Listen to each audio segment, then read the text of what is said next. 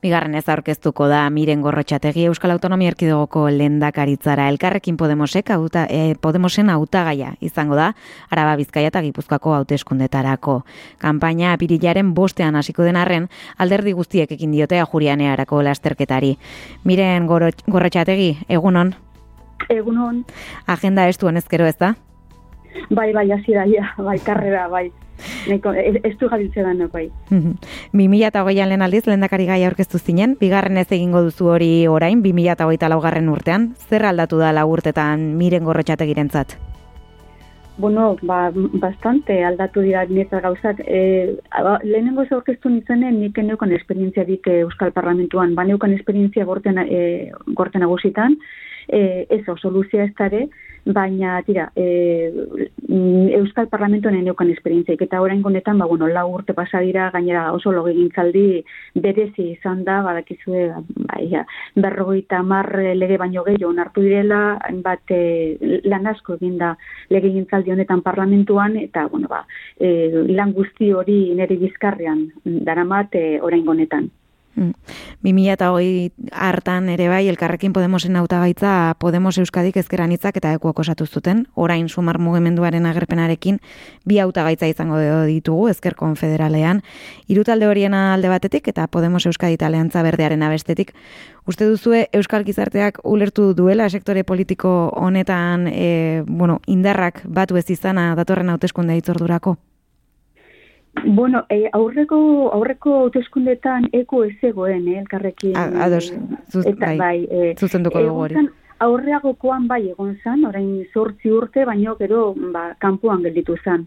Zan ere, bueno, elkarrekin e, Podemos da marka bat, elkarrekin marka espazio bat, e, bueno, adierazten duena, ezkerrera eraldatzailearen espazioa, eta bueno, marka horretan ba, ba, bat, alderdi batzuk egon dira zirasieratik, beste batzuk ez, E, orain konetan, ba, ba, elkarrekin Podemos, alianza berderekin joango gara seguru asko, orain ez dago guztiz e, itxitak, baina seguru asko horrela izango da, Eta, bueno, e, gizarteak ulertu duen, ba, ez dakit, niri gesan neko ulergaitza egiten zait, gertatzen ari dana. E, nik, bada, bueno, nik lasei daukat, e, oza, lasei nao nire guruarekin, nire aldetik e, egin daiteken guzti, guzti egin dute batuta joateko, ez dut ulertzen egia da, eta gainera horreagotik ere esaten nuen, ba, el, el ulergarria izango e, batera ez joatea, eta eta bueno, egia egia esan nik nire aldetik eta nire alderdiak ere gure aldetik dauen guztia jarri dugu elkarrekin joan alizateko eta eta bueno, ba ez, ez dugu ez dugu lortu. Orduan ulertzen dut gizarteak ezin ulertzea zer gertatu den. Mm. E, ongi esan duzu moduan eta behin baino gehiagotan errepikatu duzuen moduan azken uneraino saiatu saiatu zarete baina azkenean ez da ez da lortu. Lander Martinez izan genuen atzo geurean eta konpromisoak betetzeko ezintasun juridikoak eta politikoak dituzutela e, zioen. Hala azaldu zuen e, bueno e, arrazoi arrazoietako bat hori hori zela baina nik e, egia esan esango dizut ez dudala oso ongi ulertzen zer den e, konpromisoak betetzeko ezintasun juridiko edo politikoetaz hitz egiten denean. E, nik da eske oso nekeza da hori ulertzean eta nekeza da ulertzea aitzaki itxura bueno itxura daukalako eta eta itxura baldin badauka segurazko horrela dalako da E, kon, esaten du ezintasun juridikoa, nik pensatzen dut nahi duela esan, e, gure, bueno, gure gizaera juridikoan ez daukagula gure nif propioa, adrelako zeo zer izango dela pensatzen dut, baina ez daukazen zurir ziren eta gure gure aldertiaren e, antolaketari begiratzen baldien da diogu, erabakiak Euskadi dagozkion, erabakiak Euskadi hartzen dira. E, hortaz ni oso arronago, gure alderdiak orkesten duen ezaugarri nagusinetako bat eta e, barne demokrazia, guk erabakiak ba, primarioetan hartzen ditugu, edo, edo bosk, e, bosken bitartez e, e, hartzen ditugu, eta horretan erabaki horietan bai primarioetan e, nor izango den hautagaia nor nortzuk izango dira zerrendan e, norekin e, adostu dezakegun eta norekin ez erabaki importante guztiak militanteek hartzen dituzte. Baina euskadiko militanteek hori da gure antolakuntzaren e, gure organizazioaren e, ba, aritzeko modua. Beraz ez dut ulertzen autonomia falta leporatze hori ez talako egia Bueno, azkenean data data dugu eta aurretik ongi esan dugu moduan lasterketa lasterketa hasi da apirilaren bostean hasiko da kanpaina pres dago Podemos Euskadi lasterketa horri ekiteko. Ba, jori bai, beti. Bueno, badara matzagu, esaten zuen, la, la urte lanean, gogor lanean, eta eta bueno guk badaukagu gure esperientzia e, egun la, urte guzti hauetan ba poliki poliki ere hainbat eta hainbat erakundeekin e, mm, organizazioekin elkarteekin harremanetan egon gara e, ekimenak e, aurkeztu ditugu parlamentuan batzuk aurrera atera dira beste batzuk ez. Orduan horik ere oraindik gure gure egitekoen zerrendan sartuta daude, e, bai, badaukagu programa nahiko, nahiko itxuratuta eta bukatuta dagoeneko, eta indar guztiarekin, bai, gure, e, azkenean gure organizazioa ondo errotuta eta eta sendoa da, eta horrek ematen digu aukera, ba, aurre egiteko modu, mm, bueno, mm, indartsu batean e, prozesuari. Mm. Akaso e, edukietan gehiago gehiago sakonduz zeintzuk dira e, bueno, Podemosen e, lehentasunak datorren legegintzaldirako?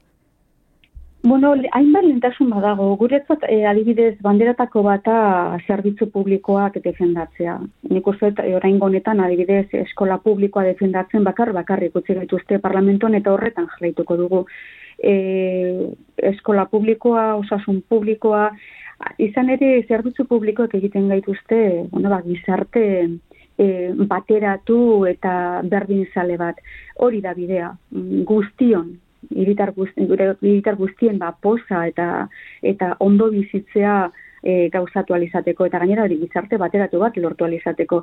Eta zentzu horretan gure zerbitzu publikoen aldeko e, lana ba, ba, jarraituko dizaten lehentasunetako bat eta eta transparentzia eta parte hartzea eta demokratizazioa baita ere zentzu guztietan e, aritzeko moduan, e, gobernatzeko moduan eta baita ere gizarte eta herri bezala antolatzeko antolatzeko moduan.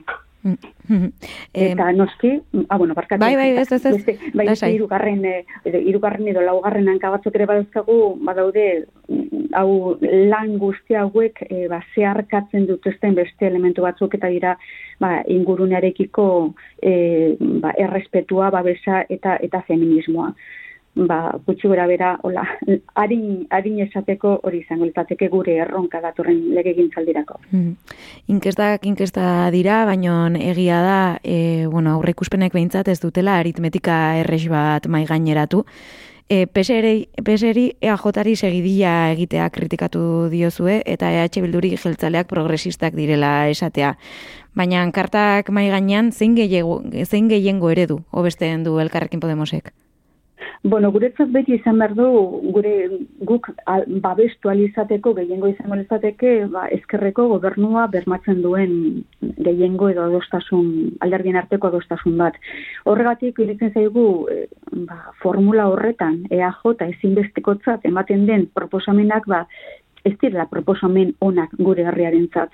E, ezkerreko gobernurik ez eukitze karri duen zuzen edo, gabeziak, e, ba, osakidetzaren e, ba, gainbera, e, ezkuntzan daukagun ba, segargazioarekin eta gainezkintzarekin e, arazoa, ingurunea zaindu beharrean interes industriala gainetik jartzea, e, guztiorik dira ba, eskumako gobernu bat e, ba, E, egiten duen errealidade eta gizarte bat. Horri aurre egiteko ezkerreko baloreak behar dira.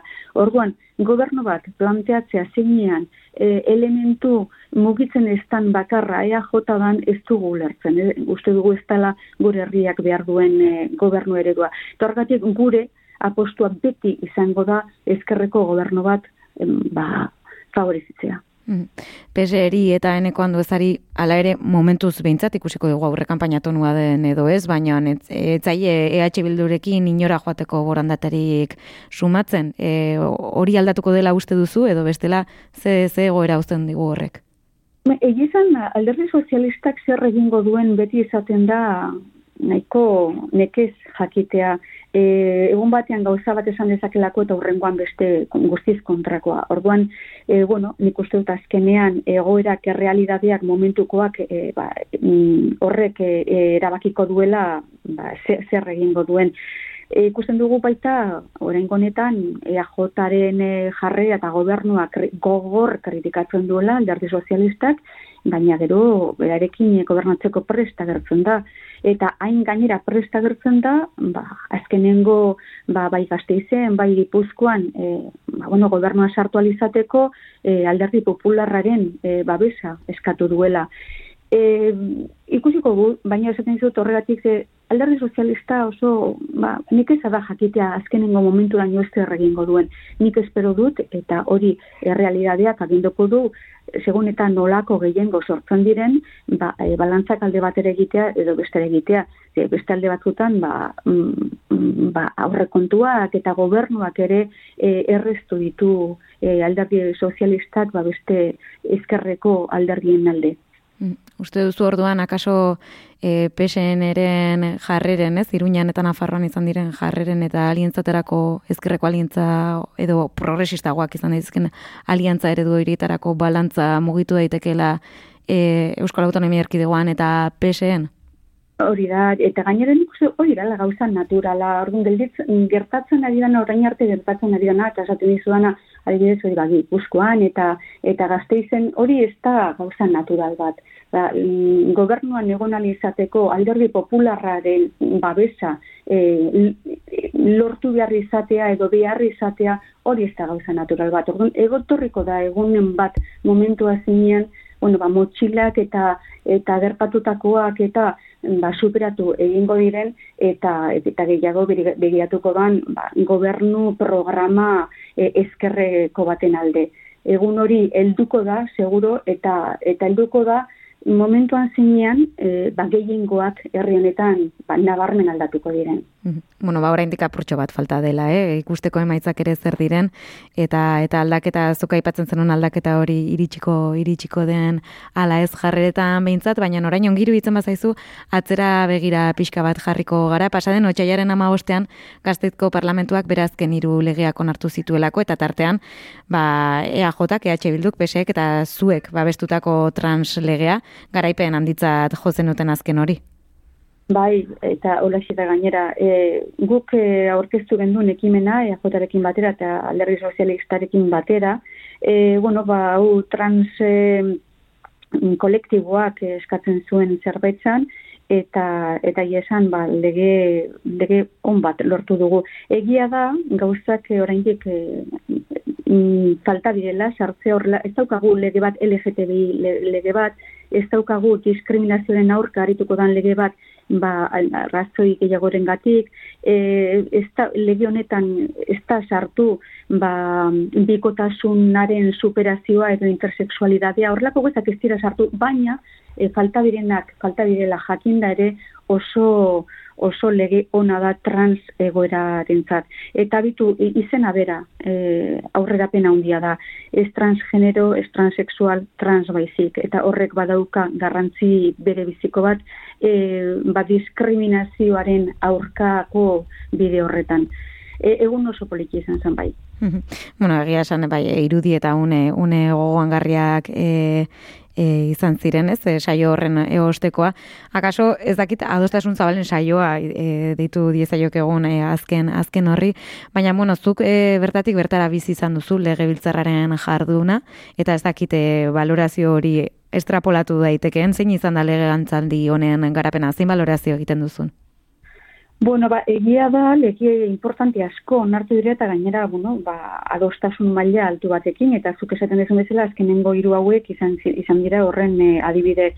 E, lege asko onartu dira legin honetan, eta e, batzuk, ba, esaten, adostasun zabalarekin, e, beste batzuk ere izan direz bakarrik e, azkenengo hiruak eta batzutan guk e, gure marka gainera jarri dugu eta hobetu egin dugu legea eta oso oso arro sentitzen gara baita hortaz e, bertintasun legea e, mm, ba, ume eta eta nera, nera legea e, RGIa e, berritzeko legea hainbat lege eskubiak zabaltzen dituenak, ba, iritar talde haundi haundientzat. Eta zentzurretan oso oso arro. Egia da baina beste lege batzuk, ba, ezin izan dugula gure marka jarri eta eta kontragartu bar izan gara eta badira legeak gainera ba, in, garrantzi berezia daukatenak alde ekonomikoarekin. Eta ba, ondasunak e, ba, ba, banatzeko horrekin. Eta hortan ba, sartuko genituzke adibidez ba, aldaketa klimaketikoaren legea, e, aurre kontuak, eta horrelakoak. Hezkuntza hezkuntza da beste beste gai bat ezin izan duguna gure gure marka jarri e, bueno, ba, bateratu egin izan direlako sare publikoa eta sare pribatua, eta ez talako babestu behar bezala segregazioen aurkako ba, ibilbidea, eta Eta bueno, gero bestalde batetik egon dira hainbat lege guk proposatu ditugunak eta ba aintzat ere hartu ez direnak, tramitatu ere ez direna ez direnak eta badira bale osasun mentalerako legea edo sexu eta ugalketarako eskubideak e, ba besteko legea edo enpresa publiko energia enpresa publiko bat edukitzeko legea eta horrelakoak. Orduan, Bueno, e, guk lan asko egin dugu pozik e, sartu ditugu nobekuntzekin hainbat legeetan eta eta erronka asko zabaleko oraindik hainbat e, oso importante bere biziko diren gauzak ezin izan ditugulako e, legeetan sartu eta eta gerorako gehitzen dira. Bueno, bidean gelitu gelitu direla gauza de xente beraz, horien artean zuk e, gardentasun aipatzen zenun e, lehenago miren eta gardentasun legea ere pendiente gelditu da.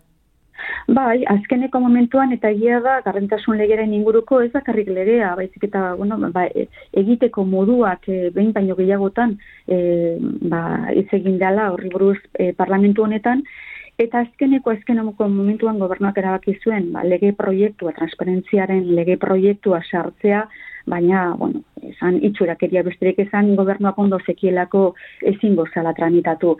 Orduan, bueno, mm, ba, hori egia da, e, pendiente, pendiente dagoen gauza bata. Egia da, urkuluren e, gobernuetan, e, ba, hor, Mm, utxune hori nabarmen nabarmen gelitu dela hasiera hasieratik.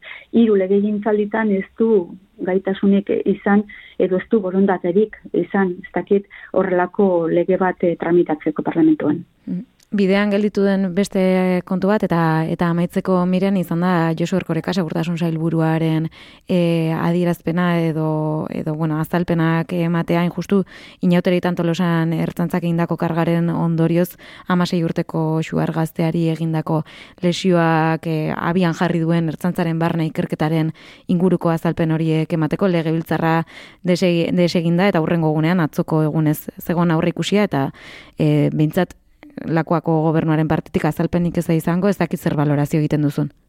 Bai, bai, eda jakin gabe geltuko gara, lakoak zen olako valorazio egiten duen guk eskatu genduen, eh, eskatu genduen e, agarraldi hori e, parlamentuan, iruditzen zeigulako badala kezka bat aspalditik datorrena, ez da, ez da aurreko eguneko gauza bat, ez da lehenengo aldia guk e, ba, zeilburari erkorekari kasunetan, edo, bueno, gobernuari orokorrean eskatzen diegula, e, bueno, azalpenak eta eta reflexio bat ba, erabiltzen den e, ba, materialari buruzko eta eta askotan salatu izan dugun gauza bat e, izan da arriskua dutenak horrelako e, ba materialak erabiltzen direnak ba bakalean e, istilibak eta garbitzeko. Gainera badira materialak erabiltzen direna oso leku ba, jentetsuak direnetan eta jai giroan edo, edo jende asko dagoen girotan. Eta, bueno, ba, erreflexio sakon bat egin behar da, eta ba, mm, urrengorako gelditzen dan beste gauza bat bai. Bueno, ba, miren gorrotxateki eskerrik asko, e, gurekin partekatzeagetik minutu hauek ziur gehiago partekatuko ditugula, oraindik asko falta baita pirilaren hogeita mm. bateko itzordurako, beraz eskerrik asko eta gurren arte. Ba, eskerrik asko zuei, eh? bai, agur.